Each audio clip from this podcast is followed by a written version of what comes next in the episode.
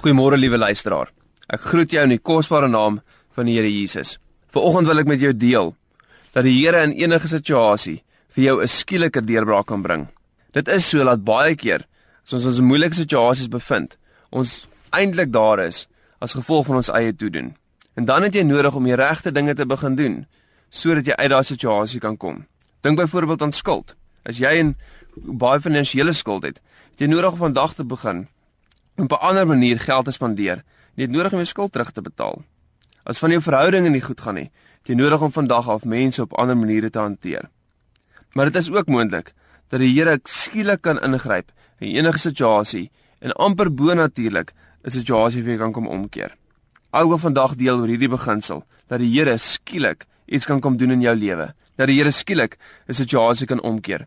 En ek hoop as ek 'n deel vanoggend dat daar geloof in jou hart opstaan en 'n verwagting dat die Here enige tyd, enige plek in jou lewe skielik kan ingryp. In die tydperk van die konings, dit is nadat die koninkryk van Israel oorgeheers was deur koning Saul, koning Dawid en koning Salomo. Het dit gebeur dat die koninkryk van Israel in twee koninkryke verdeel was, die van die koninkryk van Israel en die koninkryk van Juda. Dit het tot gevolg gehad dat die verdeelde koninkryke albei op hulle eie geleidelik verswak het en dit grootendeels konings gehad wat weg van die Here afgedraai het met enkele uitsonderings. Een so uitsondering was koning Asa van Juda, waarvan ons lees in 1 Konings 15. En nog 'n koning wat foute gehad het, maar wat 'n goeie man was, is koning Hiskia. Van hom lees ons in 2 Konings 19. In die tyd van Hiskia was die koninkryk van Juda beleer en aangeval deur die Assiriërs, totdat die koninkryk van die Assiriërs uiteindelik die hele stad Jerusalem omsingel het. Dit het gelyk asof daar geen uitkoms was nie. Dan sê dit hier in 2 Konings 19:34 en 35. En ek sal hierdie stad beskik om te verlos ter wille van my knegt Dawid. En in dieselfde nag het die engel van die Here uitgetrek en in die laar van die Assiriërs 185000 verslaan. En toe hulle die môre vroeg hulle klaarmaak, was dit almal dooie liggame. Dink hieraan vir 'n oomblik. Dalk voel jy soos die manskap in Jerusalem omsingel deur jou vyande en lyk dit vir jou asof daar geen uitkoms is nie. Dalk bevind jy jouself in 'n situasie waaruit jy geen uitkoms kan sien nie.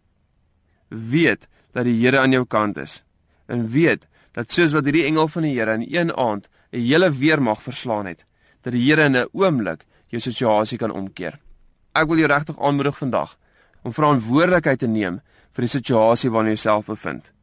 Maar saam met daai verantwoordelikheid, geloof in God te hê dat die Here in enige oomblik kan ingryp in jou lewe en 'n drastiese omkeer kan maak.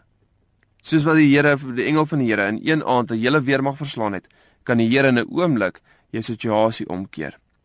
Dink aan hierdie vers, Jakobus 4:7. Onderwerp julle dan aan God, weerstaan die duiwel en hy sal van julle wegvlug. As jy jouself aan die Here onderwerp, sal die Here vir jou beklei. Is dit nie 'n wonderlike gedagte nie? Amen.